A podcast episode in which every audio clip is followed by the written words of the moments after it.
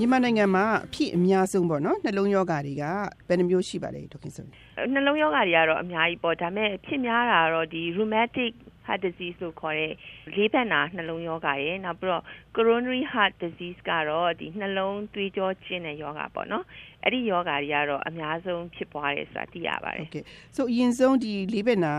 နှလုံးယောဂဖြစ်ရခြင်းအကြောင်းရဒီလေးဘက်နာယောဂကတော့ယောဂရဲ့အစကဒီကလေးငယ်တွေမှာ ဒီ10နှစ်15နှစ်ဝန်းကျင်ပေါ့လေလူငယ်ကလေးငယ်လေးတွေမှာစပြီးတော့ဖြစ်တယ်သူတို့မှာ bacteria ပိုးတွေဝင်နေဝင်ပြီးတော့အာဒီရောင်ရာကနေပြီးတော့အဲ့ဒီပေါ်ပေါ်ဆဆနေရာကနေပြီးတော့အဆစ်တွေကိုထိကြိုက်ထိကြိုက်ပြီးတော့တခါနှလုံးကိုထိကြိုက်ပြီးတော့အဲ့ဒီကြတော့တော်တော်လေးကိုနှလုံးမှာအဆိုးရှင်ပျက်စီးမှုတွေဖြစ်ပါတယ်ဆိုတော့အခုလေးပင်နာနှလုံးယောဂါကတော့ငယ်ရွယ်တဲ့ရွယ်ကနေစနိုင်တာပေါ့နော်ကျွန်မအဓိကတင်ပြလိုတာကတော့ ကျမတို့အမျိုးသမီးတွေကိုအများဆုံးထိခိုက်စေနိုင်တဲ့နှလုံးယောဂါပေါ့နော်ဟိုအဲ့ဒါနဲ့ပတ်သက်ပြီးတော့ပါဟိုနှလုံးယောဂါကတော့အများသောဖြင့်ဒီအမျိုးသမီးတွေရောအမျိုးသားတွေရောအသက်ကြီးရင်ဖြစ်တာကတော့အဲနှလုံးသွေးကြောကျင်တာပေါ့နော်နှလုံးကိုသွားလာတဲ့ coronary ဆိုတဲ့သွေးကြောအဲ့ဒီသွေးကြောမှာသွားပြီးတော့ပိတ်ဆို့မှုဖြစ်တဲ့အတွက်နှလုံးကြွက်သားတွေဟာအောက်ဆီဂျင်မရဘဲနဲ့အဲရင်ဘတ်အောက်နဲ့နာတယ်ဆိုတော့အဲ့နှလုံးသွေးကြောကျဉ်တဲ့ယောဂ ဖြစ်ပွားတာပေါ့။ Okay so နှလုံးသွေးကြောကျဉ်နေဆိုတာက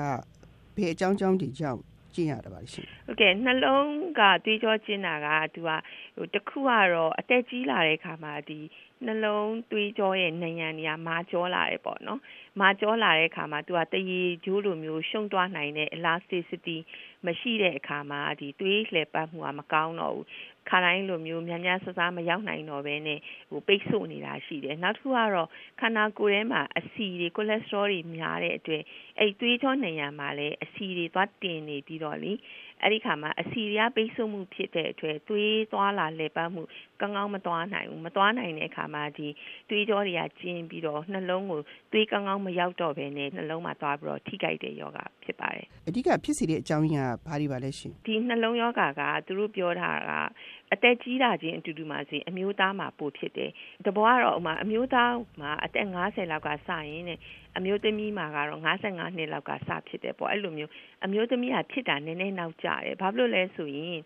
သူအမျိုးသမီးရဲ့ခန္ဓာကိုယ်ထဲမှာရှိတဲ့ဒီအမျိုးသမီးဟော်မုန်းဓာတ် estrogen ဟော်မုန်းဓာတ်ကတော်ရုံတန်ရုံသွေးကြောမှာသူကအဆီမပိတ်အောင်ထိန်းထားနိုင်တဲ့ဂုဏ်သတ္တိရှိတယ်ပေါ့လေဒါပေမဲ့အမျိုးသမီးသွေးဆုံးသွားတဲ့အခါမှာအဲ့ဒီလိုမျိုးဟော်မုန်းဓာတ်တွေညော့နေသွားလို့ရှိရင်ပို့ပြီးတော့ဟိုအဆီပိတ်ဆို့မှုတွေများလာတယ်တဲ့ အစီပိတ်ဆို့ပြီးတော့သွေးကြောကျဉ်တာကသူကဖြစ်ရခြင်းအကြောင်းရင်းတွေကအများကြီးပဲအဲ့တော့ခွဲလိုက်မယ်ဆိုလို့ရှိရင်တော့လူတယောက်ရဲ့နေထိုင်စားသောက်မှုတနေ့တာလှုပ်ရှားမှုပေါ်မှာလည်းမူတည်တယ်နောက်တစ်ခုကလည်းတခြားယောဂရှိမရှိဆိုတာပေါ်မှာလည်းမူတည်တယ်ပေါ့နော်လူတဦးတယောက်စီရဲ့ဒီနေ့စဉ်သွားလာလှုပ်ရှားမှုစားသောက်မှုနဲ့ပတ်သက်လို့ရှိရင်ဆေးလိပ်တောက်တာတို့အရက်တောက်တာတို့အဲ့ဒီလိုမျိုးအဲတောက်စားတာတွေကလည်း တကူလုံးပါပဲခန္ဓာကိုယ်သွေးကြောတွေကိုကျင်းစေတယ်အထူးသဖြင့်ကတော့ဒီနှလုံးသွေးကြောကိုလည်းပို့ပြီးတော့ကျင်းမြောင်းစေတယ်နှလုံးရောဂါရနိုင်စေတယ် နောက်တစ်ခါလည်းစားတောက်တဲ့အထက်မှာလည်းဒီအစီတွေနဲ့ပတ်သက်လို့ဒီပြေးဝတဲ့အစီတို့တရိษံအစီတို့အဲ့လိုမျိုးအစီအိမ်နေစားတာများလို့ရှိရင်လေနှလုံးသွေးကြောကျဉ်စီတယ်နောက်တစ်ခါတော့ကိုယ်လည်းလှုပ်ရှားမှုနည်းတယ်ဒီကျန်းမာရေးအရာပဲဖြစ်ဖြစ်သူ့ရဲ့ဟိုလုပ်ငန်းဆောင်တာအရာပဲဖြစ်ဖြစ်လှုပ်ရှားမှုမရှိဘူးလေ့ကျင့်ခန်းလည်းမလုပ်နိုင်ဘူးနောက်ပြီးတော့လူရဲ့ခန္ဓာကိုယ်အလေးချိန်ကလည်းတိုးလာတယ်ဝလာတယ်ဆိုလို့ရှင်တော့ ဒါနှလုံးသွေးကြောကျဉ်ဖို့အလားလားသိပြီးတော့များတာပေါ့နော်နောက်တစ်ခုကသူ့ရဲ့အလောက်ကင်ပေါ်မှာလည်းမူတည်တယ်ဟိုအလောက်ကင်ကအသိပြီးတော့ဟိုစိတ်ဖိစီးမှုများတယ် stress တွေများတယ်ကောင်းကောင်းစိတ်အပန်းဖြေမှုမရှိဘူးဆိုတဲ့လူတွေမှာလည်းနှလုံးသွေးကြောကျဉ်တဲ့ယောဂါတွေပိုဖြစ်တယ်ဆိုတာ တွေ့ရတယ်လို့သူတေသနာတွေမှာဖော်ပြထားပါတယ်ဟိုဒေါက်ခင်ဆိုရင်ပြောတဲ့ cholesterol ပေါ့နော်ဟိုဒီအစီပိတ်စေတယ်ဆိုတာအဲ့ဒါနည်းနည်းလေးဆက်ရှင်းပြပေးပါလားရှင်ဟုတ်ကဲ့ဟို cholesterol ကခန္ဓာကိုယ်ထဲမှာဆိုလို့ရှိရင်တိတ်သေးစာများတဲ့ cholesterol ဆိုတဲ့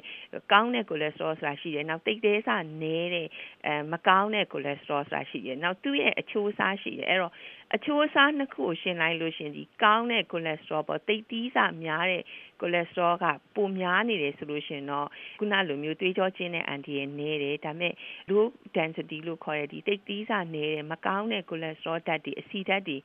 များနေရင်တွေးကြောချင်းတဲ့အန်တီရဲ့ပိုများနိုင်တယ်ခုနပြောတဲ့စားတောက်နေထိုင်မှုတွေဒီစိတ်ဖြီးစည်းမှုတွေမှာမူတည်ပြီးတော့ဥမာကိုနေ့စဉ်စားတောက်တဲ့အစားအစာမှာတရိษံအစီတွေမများဘူးအဲဟင်းကြီးဟင်းရွက်တွေနောက်ကြံတဲ့ဟိုပင်လယ်စားအဲ့လိုမျိုးပေါ့ကျမရင်းနဲ့ညီညွတ်တဲ့အစားတောက်တွေကောင်းကောင်းစားတယ်ဆိုလို့ရှိရင်ဒီအစီဓာတ်ကနည်းနည်းပါးပါးတက်အောင်တော့ဒီကောင်းတဲ့အစီဓာတ်တွေပိုတက်တယ်ပေါ့နော်ခုနလိုမျိုးအစားတောက်ကိုမစင်ကျင်လို့တိတ်ကိုစီတွေပဲစားနေမယ်ဆိုလို့ရှိရင်တော့မကောင်းတဲ့ low density အစီဓာတ်တွေအဲပိုတက်လာနိုင်ပါတယ်နောက်တစ်ခုကယောဂတစ်ခုခုကြောင့်လည်းနှလုံးသွေးကြောကျဉ်တတ်တယ်အဓိကယောဂနှစ်ခုကတော့သွေးတိုးယောဂနဲ့စီးချိုယောဂပါဟိုဗမာပြည်မှာအခုစီးချိုယောဂဖြစ်တဲ့လူတွေလည်းတော်တော်များတယ်ဆိုတာဟိုသတင်းတွေမှာရောဆရာဝန်တွေရေးတဲ့စာတမ်းတွေမှာရောကျွန်မတွေ့ရတယ်လीအဲစီးချိုရှိတယ်အချိုဓာတ်ကိုမထိန်ဘူး ဆိုလို့ရှိရင်လေအဲ့ဒီစီးချိုဖြစ်တဲ့လူတွေမှာတေးကြောကျင်းတဲ့ယောဂဒီနှလုံး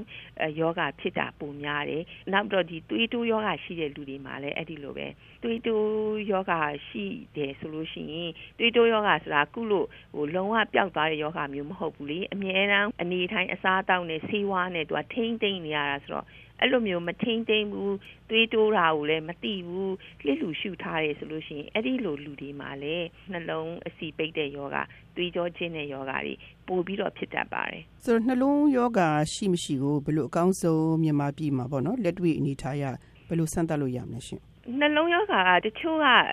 ယောဂလက္ခဏာပြတယ်တချို့ကျတော့သူက silent ပေါ့တိတ်ဆိတ်နေတဲ့အဲယောဂအမျိုးအစားလည်းရှိတယ်အသက်ကြီးပိုင်းရောက်လာတယ်သူပြင်90 ကျော်လာပြီဆိုလို့ရှိရင်တော့ဖြစ်နိုင်ရင်တစ်နှစ်ကိုတစ်ခါလောက်ဖြစ်ဖြစ်ပေါ့နော်ဒီနှလုံးယောဂရှိမရှိဆိုတာကိုစမ်းသပ်နိုင်ကောင်းတာပေါ့နော်အဲ့လိုစမ်းသပ်တဲ့ခါမှာလည်းအထူးသဖြင့်ဒီသွေးကြောကျင်းနေလားနှလုံးမှာအဆီပိတ်နေလားဆိုတာကိုသိကျင်တယ်ဆိုလို့ရှိရင်တော့သွေးထဲမှာအဆီဓာတ်တွေများမများဆိုတာစစ်ဆေးလို့ရတယ်လို့မျိုးပဲဒီနှလုံးတိုင်းဆက် ECG နဲ့စမ်းသပ်တဲ့ခါမှာလည်းတ ခါလေကြာရင်ရိုးရိုးစမ်းလို့ရှိရင်မပေါ်ဘူးမပေါ်လို့ရှိရင်သူကဟို exercise ECG လို့ခေါ်တဲ့ဟိုဟိုလမ်းလျှောက်နေရင်နဲ့ဒါမှမဟုတ်ရင်လေကားတက်နေရင်နဲ့ဆက်နဲ့လမ်းလျှောက်အဲ့လိုမျိုးနည်းနည်းလေးမောပအောင်လုပ်ပြီးတော့ဒီ ECG နဲ့စမ်းလို့ရှိရင်ပေါ်တတ်ပါတယ်အဲ့တော့တကယ်ကျမကြီးကိုဂယူးဆိုင်တယ်စောစောတိပြီးတော့စောစောကုကျင်တယ်ဆိုလို့ရှင်တော့ဖြစ်နိုင်ရင်တော့ဆရာဝန်နဲ့တည်တည်ချာချာစမ်းသပ် စစ်ဆေးနိုင်တာရှိတယ်နောက်တစ်ခုကတော့ကိုကိုကိုတတိထားပြီးတော့အမှုမဲ့အမှတ်မဲ့မနေဘဲနဲ့ဟိုရင်ဘတ်ထက်အောင့်တယ်လို့လို့ဖြစ်တယ်ဆိုရင်ရင်ဘတ်ကဘယ်နေရာမှာအောင့်တယ်လဲရိုးရိုးနေတဲ့အခါမှာအောင့်တာလားဒါမှမဟုတ်လို့ရှိရင်တခုခုဟိုလှုပ်ရှားမှုလုပ်လို့မှလမ်းနေရှောင်းမိလို့လှေကားတက်မိလို့အဲအောင့်တလားအဲ့လိုမျိုးပေါ့ကိုယ်ခန္ဓာကိုယ်မှာဖြစ်တဲ့ပြောင်းလဲမှုလေးတွေကိုအမှုမဲ့အမှတ်မဲ့မနေဘဲနဲ့ဂရုတစိုက်ထားလို့ရှိရင်တော့သောစီစီသိနိုင်ပါတယ်ကျေးဇူးအများကြီးတင်ပါတယ်ခင်ဗျာ